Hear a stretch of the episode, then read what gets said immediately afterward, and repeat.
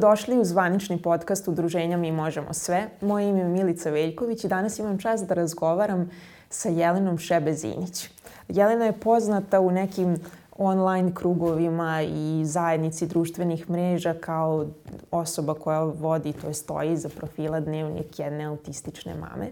Ali ono što je meni jako važno da istaknem da Jelena tu nije sama i da uz Jelenu stoji njen suprug kao i njena dva sina. A naravno pričamo najviše zapravo o Luki, I na samom početku voljela bih, eto, da možda onim ljudima kojima nije toliko bliska online zajednica i koji ne, ne prate društvene mreže, da nekako predstavimo šta je ono što ti u stvari radiš.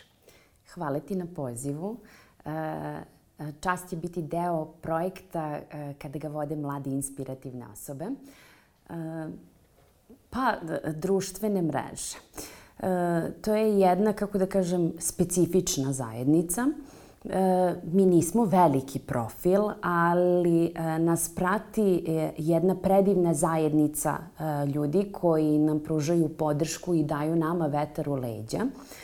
Naš profil je prvenstveno otvoren kako bismo mi svojim načinom života i onim što smo mi prošli u životu pokazali onima koji tek ulaze u celu priču o autizmu, znali šta sve mogu da očekuju delimično, pošto je Eh, svaka porodica vodi drugačiji život, ali u nekim prosto momentima, u nekim segmentima imamo te neke dodirne tačke, pa eto prosto da možda da neke stvari na kojima smo se mi spoticali da njima olakšamo kroz svoju priču kako bi znali.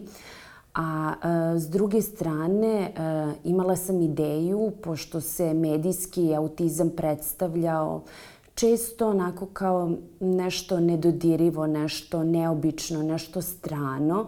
E, htela sam da pokažem ljudima da prosto i mi kao porodica vodimo život kao i sve druge porodice, ali da imamo jedan zadatak više i da prosto I taj zadatak podrazumeva i mnogo ljubavi i osmeha i druženja i svega, iako najčešće, ovaj, iako je autizam, tako da kažem, i dalje tabu tema za mnoge, ali da to ne znači da mi treba da budemo odvojeni, zatvoreni, udaljeni od tuđih pogleda, nego eto prosto da naučimo ljude da prigrle različitost.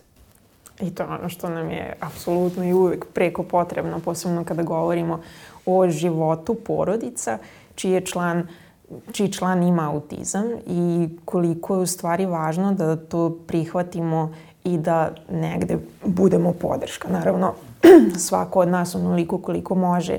I ideja je svakako da se mi ovde obraćamo i pojedincima i nekim zajednicama i naravno široj grupi ljudi. I onda ono što si ti lepo rekla i ranije kad smo razgovarale, da svaka porodica to drugačije živi. I možda si ti nekad imala onako razne sugestije sa strane koje su to doživljavale kao problem, mhm. pa bih volela eto da sada počnemo upravo odatle. Kako tvoja porodica živi i zašto možda ta razlika u samoj zajednici e, biva kritikovana i zašto ti možda dođeš u poziciju da sada treba ipak nekome da objasniš koliko je potpuno u redu da bude različito, a sa druge strane imaš tu potrebu da paziš da slučajno ne bi nekoga povredila.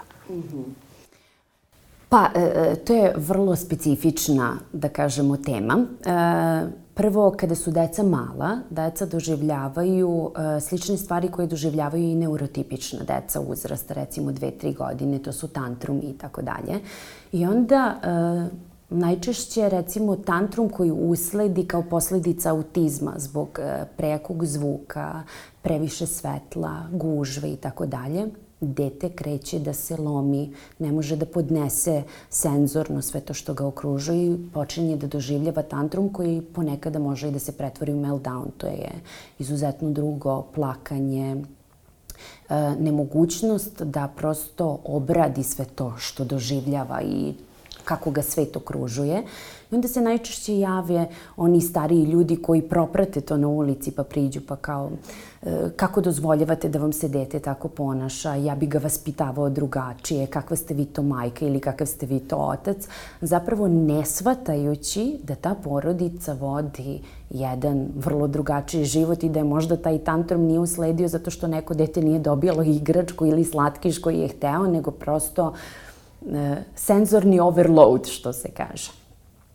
Uh, u početku kao mlada mama uh, često sam se trudila da objasnim to ljudima, onda sam shvatila da uzalud trošim energiju, da prosto samo treba da klimnem glavom i kažem ok, neka ja budem nemajka, ja ću sad da se okrenem i da se posvetim svom detetu, da probam da ga umirim, a onda ćemo da nastavimo dalje. Uh, to se provlači naravno i kroz segmente uh, najuže porodice, da tako kažem, zato što često onda ponekada čujete od roditelja. Ja bi to tako i tako.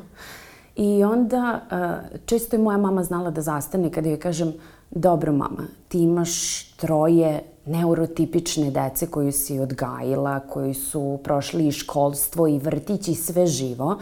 I da li možeš da porediš moje odrastanje sa Lukinim odrastanjem? Pa ne mogu. Pa eto vidiš, onda u tom smislu i neki saveti mogu biti primenjivani tvoji na moje roditeljstvo, a neki potpuno ne mogu da budu primenjeni. Tako da u tom smislu objasniti, ne znam, ja kada sam bila mama, ja sam radila tako i tako i kažem, ali ja mama to recimo ne mogu. To se dešavalo recimo u momentima kada sam ja bila frustrirana od nespavanja zato što često deca kada su mala sa autizmom e, e, veliki procenat dece ima problem sa nespavanjem. I onda, znači, vi trebate da ne spavate celu noć, treba da umirujete dete, sutradan to dete treba tako nenaspavano da ide u vrtić ili da ne ide u vrtić. A ako je mama zaposlena, mama treba sutradan da ode na posao. Nikakva, iscrpljena. I onda prosto sve to i tekako utiče na, na i celokupno roditeljstvo i svakodnevni život. I onda kad mama kaže kada dete spava, spava i ti, ali kad da spavam? kad kada ona ne spava? A sigurno ne mogu da zaspim ako je on buden razmišljajući, ne znam, da li će ustati, da li će se povrediti, ako se sapleteo nešto, da li će jače plakati pa misliti da možda njega mama ne voli i slično. Znači, prosto on traži mamu zato što ne može senzorno da uh, procesuira sve što je proživeo preko dana i on traži mamu i ta mama naravno da će u svakom smislu da mu bude posvećena i da bude tu za njega, ali to znači da se mama apsolutno u tim trenucima odriče i sebe i svog spavanja i celokupne rutine koje bi imala neka, da kažemo, neurotipična, mama neurotipičnog deteta. Ono što jeste zanimljivo, koliko smo stvarno skloni da dajemo te savete i uvek kažemo samo da ovo, zašto ne ovako, zašto ne onako.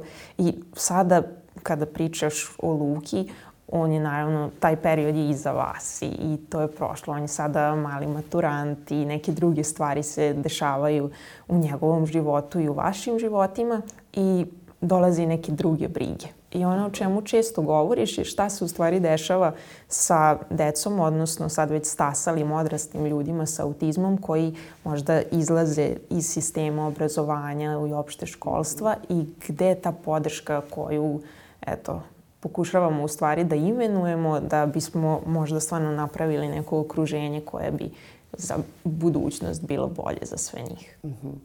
Pa e, prvo e, potrebno je da na prvo mesto edukujemo svoju porodicu. E, blisku porodicu. Naprimer, mom tati je apsolutno bilo nesvatljivo da ja upisujem dete u redovnu školu. Ne osuđujem apsolutno roditelje koji upisuju decu u specijalne škole zato što prosto smatram da su i jedna i druga škola adekvatne, da i jedna i druga škola apsolutno mogu da pruže dovoljno je obrazovanja i podrške deci. Samo je e, prosto potrebno da roditelj u saradnji sa stručnicima koji su do polaska u školu radili sa detetom, da roditelji prosto sa tim stručnicima osmisle plan i da spoznaju jake strane svog deteta i na osnovu toga odluče koja je sredina najbolja za njihovo dete. Recimo, ja sam jako dugo mom ocu pokušavala da objasnim da ja smatram da Luka može dobro da pliva kroz inkluzivan tip obrazovanja u redovnoj školi. On to uopšte nije mogo da shvati, ali zato recimo sada nakon 8 godina, kada je evo Luka uspešno položio e, probni prijemni, jao, bravo dekino, bravo to i ja samo kad prođem i kroz glavu koliko sam se ja raspravljala s njim na tu temu, prosto je to onako jedna, kako da kažem, neki možda težak moment koji mi kao roditelji e, suviše lično s razlogom prihvatimo i e, teško i dugo preboljevamo. A, misliš, mislim, naravno da je lično i ne, to ne može drugačije da se shvati, ali ono što je taj drugi drive za tvog oca i za bilo kog člana uže porodice, misliš da je to samo... Navika. Navika ili možda i neki moment da žele da zaštite ili misle da će to biti... Pa mislim da je i to, ali mislim da je navika, zato što prosto uh, uh, nekako je opšte prihvaćeno da deca koje su drugačija, da prosto budu distancirana iz neurotipičnog okruženja. A ja upravo mislim da treba da budu sve više prisutne u neurotipičnom okruženju iz razloga što to je stimulativno okruženje za njih pod jedan. A, imaju uzor od drugih ljudi kako treba da se ponašaju u određenim situacijama i pored drugih ljudi uče kako oni treba da se ponašaju, kako, e, kako da usvajaju svet koji ih okružuje. A s druge strane, mislim da je to dragoceno za to okruženje u kome su oni, zato što to okruženje konačno mora da nauči. Sad kad kažemo mora, svi odmah kao, e, baš ne mora. E, znači, e, moraju da shvate da je sve više onih koji su drugačiji od njih, koji svet percipiraju na drugačiji način ali upravo zahvaljujući onima koji su drugačiji od njih, oni uče ponovo nešto što je davno zaboravljeno. Da budu plemeniti, da budu podrška, da e, prosto e, e, budu oslonac onima koji su drugačiji i da uz njih nauče kako da oni budu bolji ljudi. E sada, ovaj, kada se završi ta osnovna škola i kada se završi taj vrtić, koji su za mene jedan, kako da kažem, bezbrižan period, nastupa nešto što je apsolutno, kako da kažem, teško i za roditelji i za dete. E, postoje deca sa autizmom koje jako vole rutinu. Postoje deca koje ta rutina, kako da kažem, i nije... M, e, kako, ne znam koju najbolju reč da, da, da, da izgovorim, a da prosto ne uvredim i ljude koji nas slušaju. Znači, e, postoje deca kojima rutina nije bitna, ali im je bitno da budu okruženi stalno, e, e, kako da kažem, stimulativnom sredinom. I kada se škola završi, za njih sve to prestaje. Da. Znači, budu prinuđeni ili da budu u centrima gde se rade razne radionice kako bi prosto osetili da su i oni društveno korisni i tako dalje. Ali postoje i oni koji e, prosto ne mogu da budu deo tih dnevnih boravaka i centara i šta njima drugo preostaje nego da sede kući zajedno sa roditeljima. Ukoliko je roditelj zaposlen, on u tom momentu mora da bira da li će imati dovoljno finansijskih sredstava da E, plati nekog ko će to vreme dok je on na poslu provoditi sa detetom ili će odebrati da da otkaz na svom poslu i potpuno se posveti detetu time narušavajući finansijsku stabilnost svoje porodice. A, to, to je posebna Znači, kako tema. god okrenete, tu je neki, kako da kažem, težak moment i težak korak. I zato se trudimo i sviđa mi se što se sve više priča o autizmu, mnogo više nego kada smo mi 2008. ušli u celu tu priču. Uh, sve više se priča o svemu tome i uh, sve više se svata da deca postaju odrasli ljudi i da ti odrasli ljudi su i dalje sastavni deo i našeg društva i našeg sistema i da trebaju pomoć. A ako im pružimo adekvatnu pomoć, I ako od samog starta krenemo sa adekvatnom podrškom, one mogu apsolutno da budu korisan i sastavni deo društva koji jednako mogu, mislim, ne mogu možda u nekim poslovima, ali treba naći ono u čemu su jaki. I to u čemu su jaki treba forsirati. I kada se osnaže u tome, oni jednako mogu da doprinesu poboljšanju i razvoju ovog društva kao što doprinosimo i mi. Samo to treba još uvek da se razredi. Čini mi se da je to tek polako u povoju, ali da treba mnogo da ide brže. Jer vreme je naš najveći neprijatelj, vreme nas jede. Sve više male deca odrasta, a sve više podrške treba sve većem broju porodica, jer sve više se porodica pita, a šta sad? Ili ono najgore pitanje koje se pitaju roditelji, a šta sa našom decom kad nas više ne bude? Da, i, i to, je, to je možda i sledeće pitanje koje šta se u stvari dešava sa decom i odraslim ljudima kada izostane podrška društva, podrška zajednice, a unutar porodice se desi, prosto dešavaju stvari, desi se iznenadna smrt ili prosto nastupi smrt i sada šta je ono što obično u ovom trenutku bude korak za te ljude, a šta je ono što bi trebalo da se dešava i kako u stvari može društvo, odnosno naš sistem da ukaže podršku. Pa to je za mene, kako da kažem, vrlo emotivno i teško pitanje. E, prvo, e, pokušat ću da odgovorim sa svoje tačke gledišta, zato što ne bih htela da svojim nekim stavovima i razmišljanjima uvredim one koji upravo prolaze kroz to. Jer, kako da kažem, iz druge strane, e, nedovoljno sam informisana da mogu, kako da kažem, sa sigurnošću da odgovorim detaljno na to pitanje. E, najčešće se priča o podršci u stano, o stanovanju uz podršku. To podrazumeva da prosto se e, osobe sa autizmom već odrasle osposobe dovoljno da mogu samostalno da funkcionišu u određenim segmentima E, svakodnevnog e, života, a da prosto imaju i osobe koje su tu, koje ih nadgledaju, koje su im tu kao vrsta pomoći, da ih ohrabre, da im pripomognu tamo gde zapnu i tako dalje. Tako da meni je to izuzetno lepa priča i, i to roditelji koji, da kažemo, ili ulaze u tu priču ili su u toku te priče, mislim da su za mene izuzetni heroji zato što veliki je put doći do toga. E, osobe koje, e, kako da kažem, nemaju tu mogućnost su verovatno u nekoj od ustanova. Prosto ali verujem da bez obzira na to da su roditelji pre no što se i desilo to učinili sve što je u njihovoj moći da se to dete oseti sigurno, voljeno, iako, eto da kažemo, je uh, sam taj čin na kraju morao tako da se završi.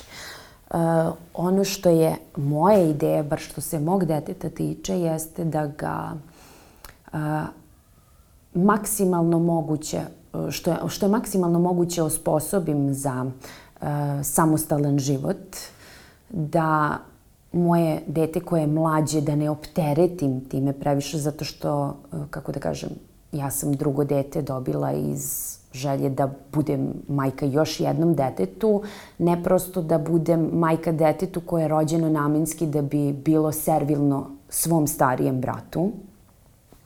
I prosto želim odnosno već sad radim na tome da ih učim da budu okrenuti jedni drugom, jedan drugom, da se vole, da se podržavaju. Trudim se Luku da osamostalim što više u njegovom životu, ali učim i Petra da bude podrška svom bratu, što da znači da danas sutra kada nas ne bude bilo, neka moja ideja je da Luka samostalno živi u svom stanu i da radi ono što ga ispunjava i ono u čemu uh, on najsigurnije pliva i što će financijski da mu obezbedi neku njegovu budućnost, a da njegov brat bude u svom stanu sa svojom porodicom i da naravno kada povremeno njegovom bratu treba pomoć i da ga pozove da čuje kako je i da ukoliko mu treba pomoć da ga podržiš, što generalno se i svodi na onu zapravo uh, samostalno, samostalno stanovanje uz podršku, ali eto, prosto to je neka moja ideja. E, smatram da je neophodno sve više i više pričati o tome, ne zato što je samo meni blizu, nego zato što znam mnoge roditelje čije su deca već završile i srednju školu i koja sada čekaju na tu neku vrstu pomoći sistema i mislim da je neophodno da se sve više priča o tome. O tome mislim da je neophodno da nas sistem čuje, uh, jer mala deca su slatka i sa malom decom je lako raditi. Odrasle osobe su te koje zahtevaju, kako ono kažu, što je veće dete, veća je briga, uh, veća je potreba za podrškom. Tako da, eto, nadam se da će sve u jednom da krenu u boljem pravcu, ali opet se pozivam na onu rečanicu vreme. Vreme brzo prolazi, e, naša deca brzo odrastaju, a sistem je neophodno da brzo odreaguje i da nađe neko kvalitetno rešenje, zato što naša deca imaju pravo na dostojanstven i kvalitetan život kao i bilo koja neurotipična osoba. To je verovatno najvažnije što možemo da prinesemo dalje i našim gledalcima i slušalcima.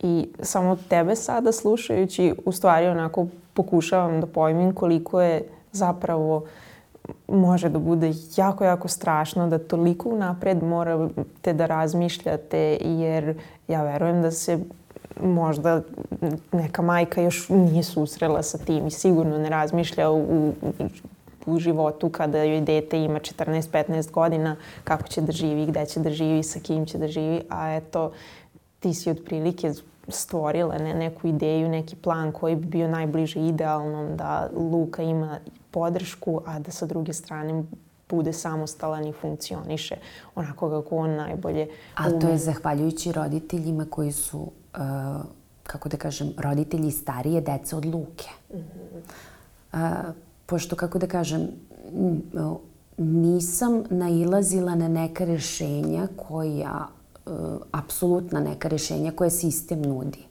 Ja sam išla tako što sam se učila od roditelja starije dece, prateći neke njihove korake. E, to apsolutno ne mora da znači da sam ja saglasna sa, sa apsolutnom svakim korakom svakog roditelja, ali ne znam.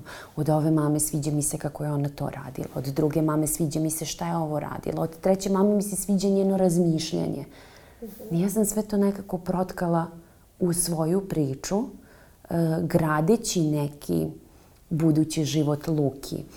Ali sad, upravo to što pričaš, kad se vratim unazad, I kad vidim sebe sa detetom od tri godine koje doživljava tantrum i koje uh, ne zna apsolutno dobro da kaže mama, odnosno on je u početku uh, brbljao i imao i pokazni gest i bistar pogled i sve to i onda je to odjednom stalo. I kad se setim, kada vidim sebe sada i kada se setim one mame trugodišnjeg Luke, meni je tada najbitnije bilo da moje dete konačno progovori ponovo da moje dete može da mi kaže šta ga boli i zašto plače. Da može da pokaže šta mu treba. Da mogu ja na pomoću komunikacije koju bih ostvarila sa njim da uh, mu pomognem da prosto iznese celu tu svoju priču i ceo svoj, taj svoj problem da reši na adekvatan način. A sada kao mama 15-godišnjeg tinejdžera, vodim neku drugu bitku i druga razmišljanja. Zbog čega stalno na svom profilu potenciram jednu te istu stvar, ali čini mi se da roditelji i dalje to ne čuju dovoljno dobro. Nažalost. Ali nadam se da, mislim, strašno je što će to shvatiti tek kad dođu godin, kada njihovo dete dođe u godine mog deteta. Kada ste roditelji male dece, pratite i slušajte roditelje čije su deca starija. Ne znači da sve besprekovno i bezuslovno morate da čujete, ali od svakog roditelja učite onaj deo koji vam se sviđa. Ali i podržavajte roditelje starije dece. Od roditelja čije su deca tinejdžeri, pružite ruku onima na čijem ste mestu nekada bili. Treba im neko da ih povuče iz tog osjećaja u kome plove a taj period kada deca, kako da kažem, tek dobiju dijagnozu je jedan od najtežih perioda. A s druge strane, roditelji tinejdžera treba i dalje da pružaju vetar u leđa onima koji su daleko ispred njih u svojoj priči.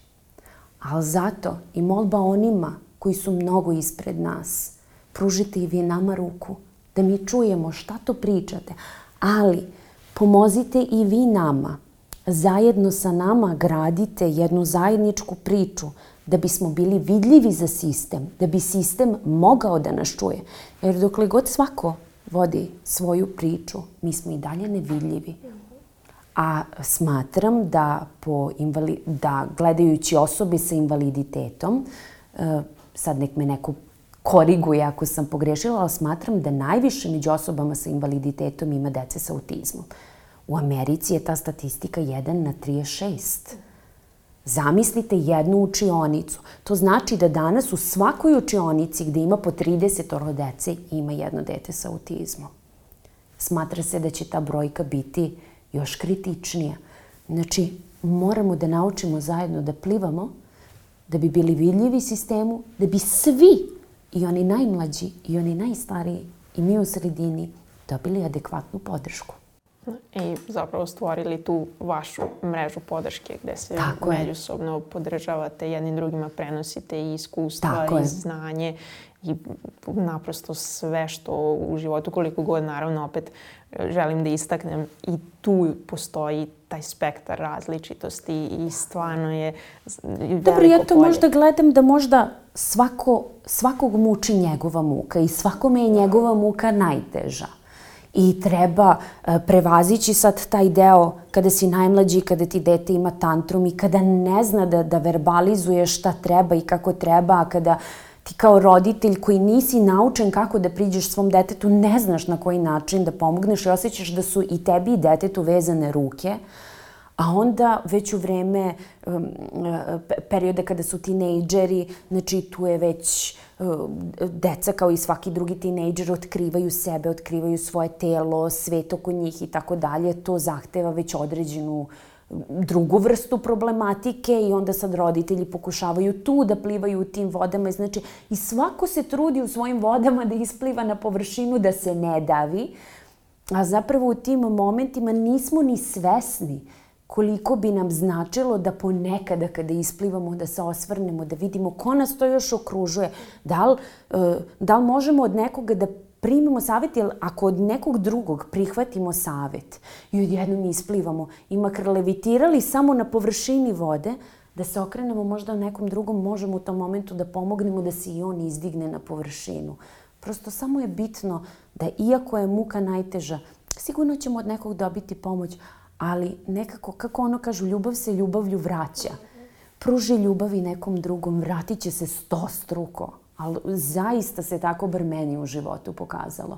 Da u momentima kada su iz našeg života odlazili ljudi u koje sam se ja kelela da će zauvek biti pored mene, I kada mi je to bilo jako teško da se suočim sa tim i da teško prebolim to, uvek su se javljali ljudi koji su meni u tom momentu delovali poput anđela.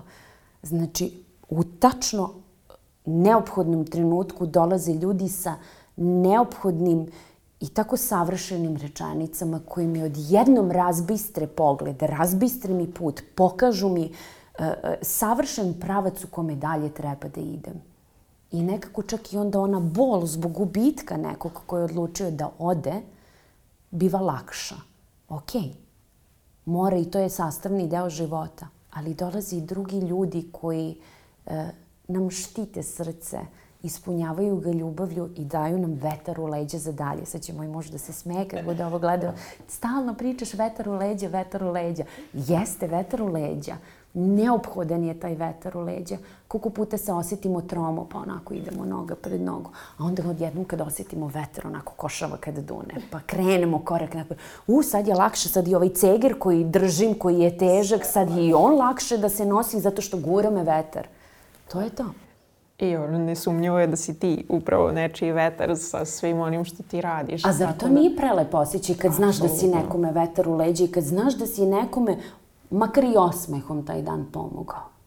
Kako ne? A, ali zaista, zaista je taj utisak onako nešto što uvek preovlada nakon svakog pročitanog tvog posta, nakon neke izjave ili tako rečenice ili nešto što prosto podelite u trenutku šta je Luka uradio, gde ste bili ili samo neki vaš dan opušten gde ste svo četvoro tu i gde je onako neko zezanje, ali vidi koliko to može u stvari da bude kao oplemenjujuće jer postoje ti trenuci, a mi često ne vidimo te trenutke jer uvek smo ili u svojim brigama ili uvek mislimo da apsolutno može samo da se desi nešto najgore i da dobrih momenta Dobro, nema. dešavaju se i gore stvari. Dešavaju se i nama gore stvari, ali to je ono što sam x puta pitala kao dešava mi se često da me pitaju moguće da Luka ima autizam.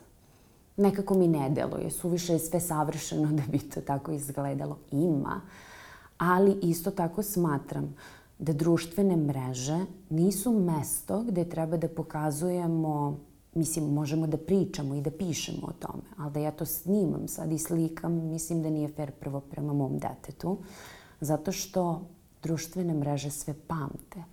On će sutra biti mladić koji će pokušavati da protka svoj put nekim svojim trudom, radom, ljubavlju, Jel treba da ga sačeka na društvenoj mreži danas sutra od nekog kolegi i kaže e, si ovo ti što si se bacao?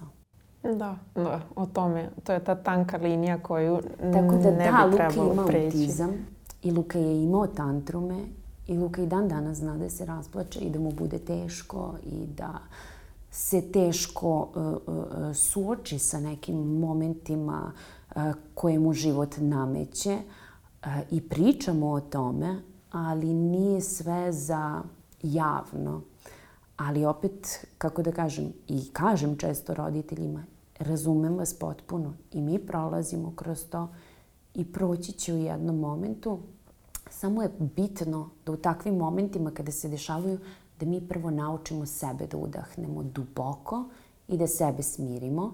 Jer sad je popularna rečenica svuda na internet, ono, prvo stavi sebi pojas da bi mogo nekog drugog da spaseš, kao u avionu što se radi. E, tako i mi. Ovaj, mada je to meni kao roditelju jako dugo trebalo da naučim, da udahnem duboko, da kada krene neki tantrum, da prosto čujem svoje misli, da razbistrim sve ono što čujem u tom momentu, zato što ako je za njega uh, previše sve to što je on, kako da kažem, senzorno pokupio iz sveta koji ga okružuje, previše i meni koje u tom momentu to doživljavam s njim, moram da naučim da udahnem, da bi znala da ga pitam pravo pitanje u pravom trenutku i da bi ja znala da se snađem kako da mu pomognem. I to, to onako može da bude zaključak koliko je u stvari puno rada potrebno da, da sebe sebi, savladaš. I na detetu. Da, da možeš pravovremeno i da reaguješ i da budeš u stvari tu za dete. I drago mi je u stvari što si ranije pomenula Petra kao mlađeg brata i kao nekoga ko je i danas i sigurno će biti u budućnosti podrška i kao starija sestra da uvek volim da čujem te priče koliko su oni povezani i kako u stvari izgleda kako se gradi taj odnos između dva brata i koliko su jedan drugom važni da, da budu onako sjajne i, i izvanredne osobe kakve zaista deluju da će biti? A, jako je teško. A, prvo, a, kada, kada, kada je osoba roditelj, kada postaje roditelj gde je prvo dete ono koje ima autizam, a kasnije se rodi dete koje je neurotipično, jako je teško iz razloga što kada je tantrum, nikad ne znaš da li je to tantrum zato što dete prolazi kroz egocentričnu fazu koju s kojoj prolazi svako dete koje ima dve, tri godine ili ne. Ili je to zapravo deo, taj moment koji dete proživljava deo autizma.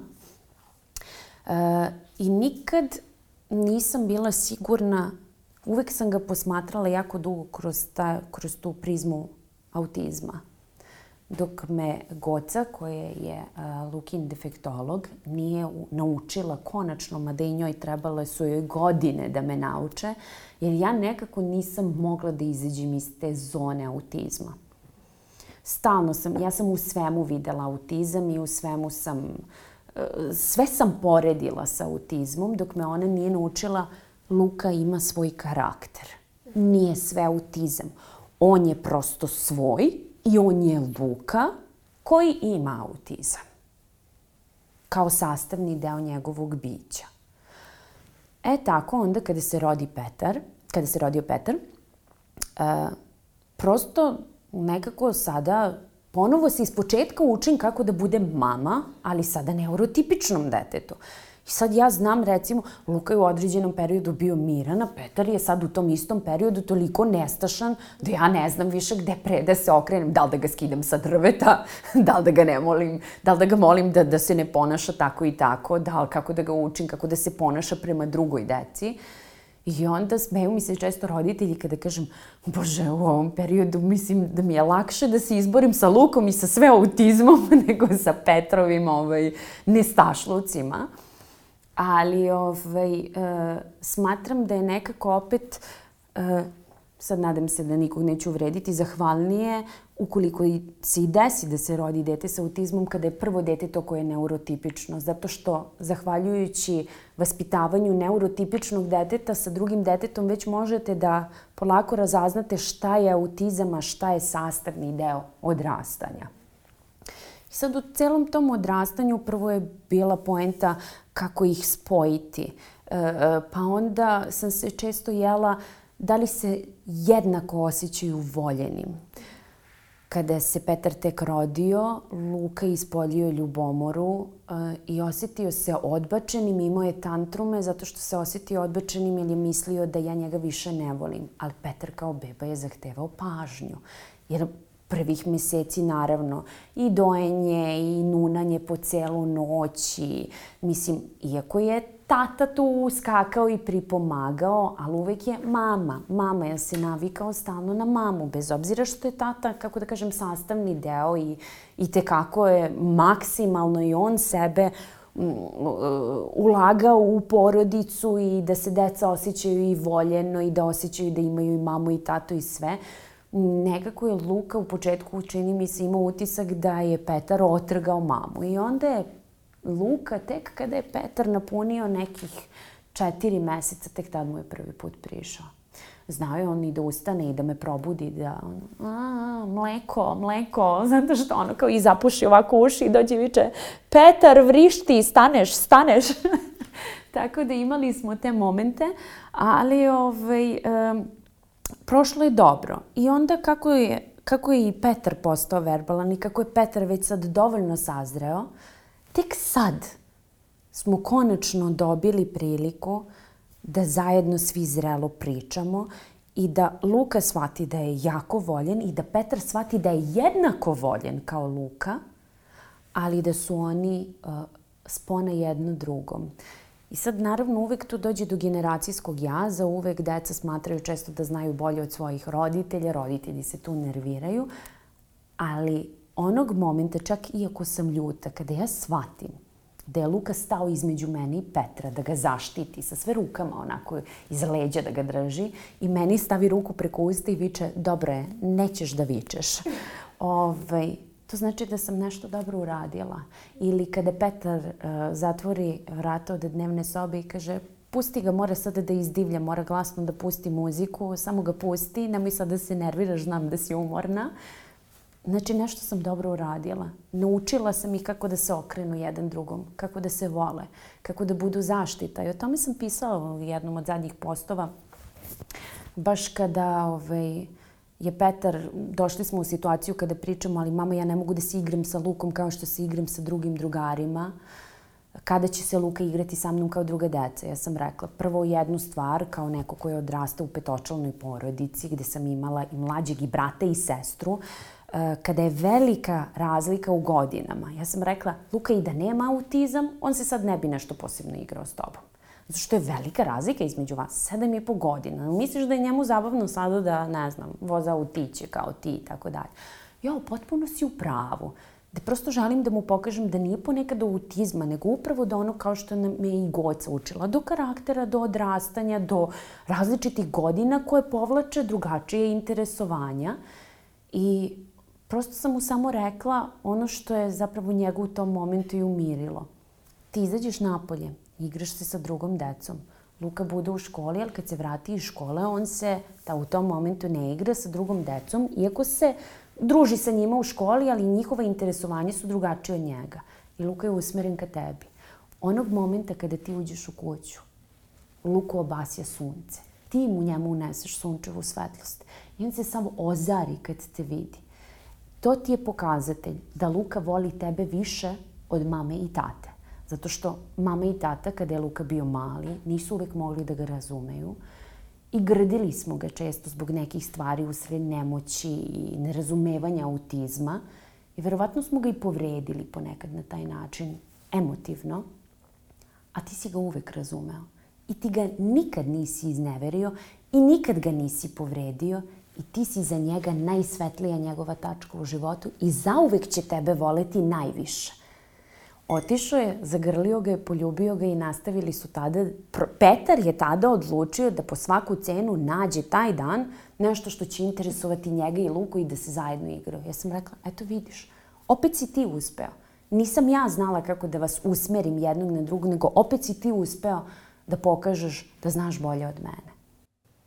Meni je to bila jako dobra priča i iskreno radovala sam se upravo ovom razgovoru zato što sam želela da ponovo to ispričaš i da ja to sad na ovaj drugi način čujem jer je toliko dragocano, toliko je prelepo i taj odnos je nešto što stvarno do kraja života ostaje i, i ne zaboravlja se i braća i sestre i eto, moj brat je meni u onim trenucima kada možda, e, s obzirom da sam ja u ovoj priči starija sestra, da imam, da sam stekla povredu i sve to, on je tada bio stalna podrška, bez obzira sad to što on može da ide napolje da se igra, ali ne, on će ostati sa mnom u stanu, da sedimo, gledamo nešto, ne gledamo ništa, ali samo da ja ne bih bila sama i eto da bih se osjećala malo bolje zbog toga što sad ja više nisam fizički u mogućnosti da idem sa njim, da trčimo, pričamo, da budem bilo gde na polju.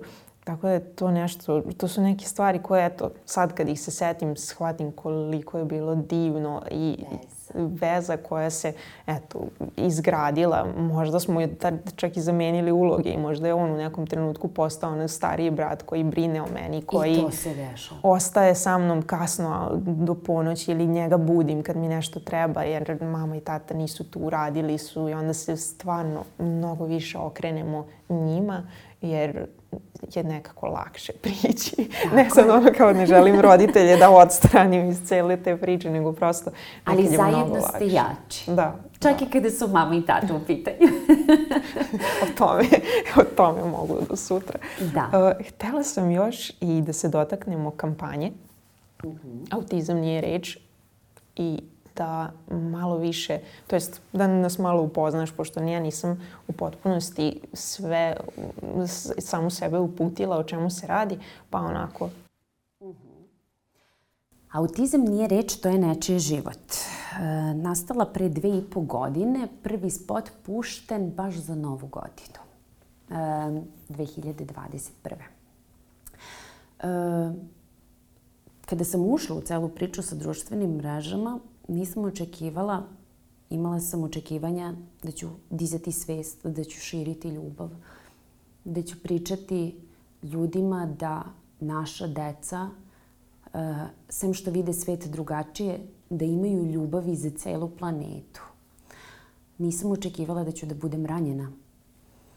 A to se desilo kada sam prvi put nešto htela da tagujem, jel, na Instagramu i ukucam hashtag autizam i izađe nešto što me totalno porazilo, a to je da su uh, tinejdžeri i školarci, a kasnije i odrasle osobe pod reč autizam uh, svrstavali uh, nešto što je društveno neprihvatljivo. Od uh, tučem nekog, jao kakav je autizam, vidi ovaj autizam, biju se zašto je to autizam. Do seksualno neprimerenih radnji, kao vidi kakav autizam, šta je to autizam, do uh, dete je drugačije obučeno, drugarima se ne sviđa, vidi kakav je autističan. A onda na moment sam zastala, onda sam shvatila da se putem javnog servisa na TV-u i na radiju, a i na povremenim podcastima dešavalo da neko izgovori kao, ma to je takav autizam ili on je autističan za nešto što je društveno neprihvatljivo.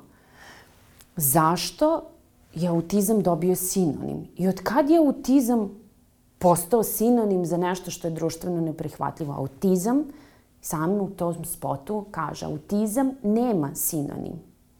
E, autizam su osobe, nisu ga birale, žive ga, zaslužuju da žive dostojanstveno kao i svi mi. Niko od nas se ne bori za dostojanstvo. Mi smo rođeni i mi smatra se da mi automatski zaslužujemo svoje dostojanstvo. A naša deca, iako su rođena kao i svi mi, moraju da se bore za to svoje dostojanstvo i sad sa te dijagnoze koju imaju moraju da brišu taj sinonim koji im neko uporno dodaje zato što je to sad postao novi trend. Zašto smo ubacili takav trend? I e, prosto sam onda e, skupila defektologi i roditelji iz regiona i to je bio prvi spot gde smo mi naveli kroz neke, nekoliko rečenica ključnih šta je to autizam i a šta nije i šta osobe sa autizmom žele da drugi znaju. E onda kada sam videla vrlo lep odjek, onda sam angažovala, mislim angažovala, onda sam zamolila uh, velike influencere na Instagramu da nam se priključe, da nam pruže podršku. Tu je bio neverovatan bum, znači preko koliko je ono bilo, ne znam, nekoliko hiljada podela. E, preko 80 hiljada e, je puta viđen taj spot. E, I prosto me je to podstaklo da je to moj kanal ka svetu. Da svet mora da čuje šta je autizam i da možda ću na taj način izbaciti autizam iz onog tabu vela. E onda je usledila i pomoć uh, javnih ličnosti u smislu iz sveta kulture, gde mi je jedna predivna balerina pomogla, angažujući svoje kolege, i glumce, i voditelje, i, i balerine, i baletane, e, gde su svi iste te rečenice izgovorili e, i prosto stvarno je sve veći i veći odziv bio i ne, nije bio cilj da moj profil raste, cilj je bio da ljudi nauče šta je autizam, a šta nije. A jedna od tih stavki je svakako – deca sa autizmom žele da znaju, žele da vi naučite vašu decu, da i oni žele što i druga deca, da se igraju, da podele užinu, školsku klupu, igračku, da se zajedno ljuljaju sa vašom decom, žele ljubav. Deca sa autizmom uh, znaju da vole i da pruže ljubav. Autizam ne znači biti neuk i nevaspitan. Znači, to su jedne od tih rečenica. E sada, da ovaj, ne otkrivam previše, sledi jedan sasvim nov spot nakon osam tih spotova, gde e, će doći jedne sasvim nove rečenice, a onda ovaj, se odazvo i veliki broj javnih ličnosti sa kojima se, eto, nadam da će uslediti jedan vrlo ozbiljan spot – još ozbiljniji od svega ovog što je do sad rađeno, ali eto ovom prilikom želim od srca da se zahvalim svima koji su bili do sada deo te kampanje i od srca svom detetu i svima koji žive autizam želim da e, te reči počnu svima da odzvanjaju u ušima i da nauče da biti drugačiji je sasvim okej. Okay ja, jedino sad što mi preostaje jeste da se zahvalim tebi onako najiskrenije i od srca za sve što radiš, za sve što planiraš da uradiš. Ja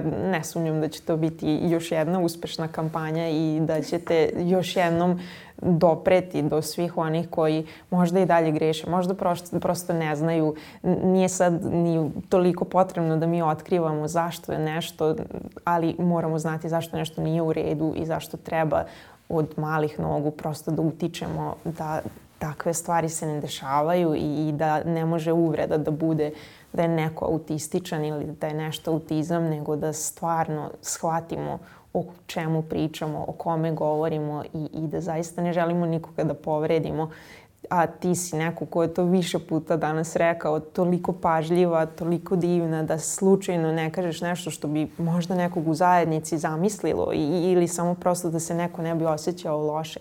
Tako da Jelena, Puno ti hvala što si danas bila ovde sa mnom, sa nama, što si deo ovog podcasta za koji se nadamo da će moći da, da isto doprinese kao i ta kampanja, kao i svi ovi razgovori koji su uvek beskrajno važni. I ostalo mi je još nešto, da ne zaboravim, jedan mali poklon. Ja. Kao ovaj, uspomena na ovo gostovanje. Tako da izvoli. E, ako mogu da vidim, znači sa prvom rečenicom koja je savršeno zapravo šalje poruku svega onoga što obe pričamo, jel? Mi možemo sve. E, hvala ti od srca, sad, sam, sad si me baš raznežila. E, hvala ti od srca da se i naš glas čuje. Ja ti želim uspeha u ovoj, u ovoj tvojoj misiji. I e, hvala ti na vrlo bitnim pitanjima, zato što e, redko ko postavlja ovakva pitanja, najčešće se pitanja svode na ono standardno šta je autizam, kad nastaje i tako dalje.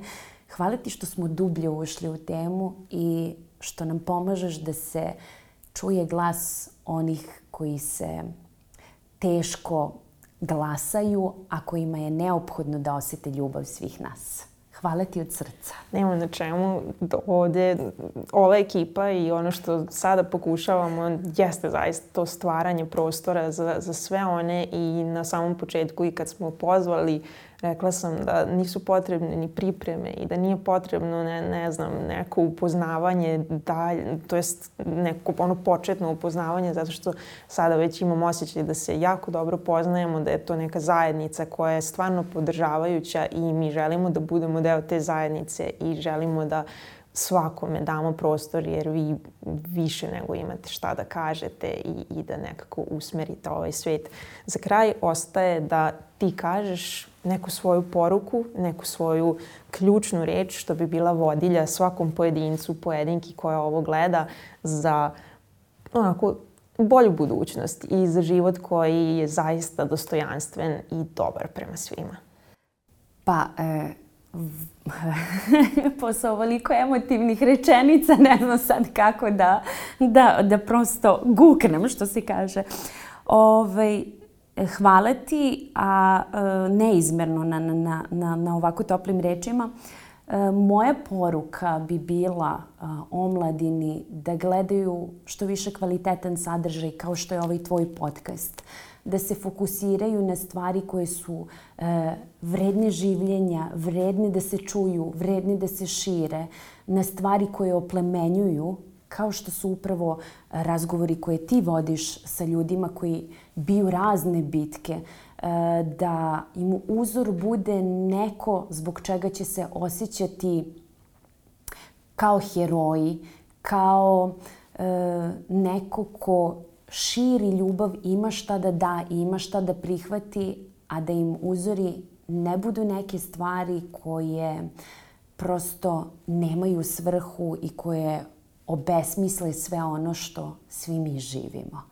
Da nađu svoju ljubav, da nađu svoju zvezdu vodilju i da se ugledaju na ljude koji su koji možda nemaju plašt, ali zapravo srcu i duši imaju. Mislim da ćemo ovim završiti. Hvala ti još jednom od srca. Takođe. Projekat Mi možemo sve, informativno-edukativni podcast osoba sa invaliditetom, finansijski je podržalo Ministarstvo za rad, zapošljavanje, boračka i socijalna pitanja, sektor za zaštitu osoba sa invaliditetom.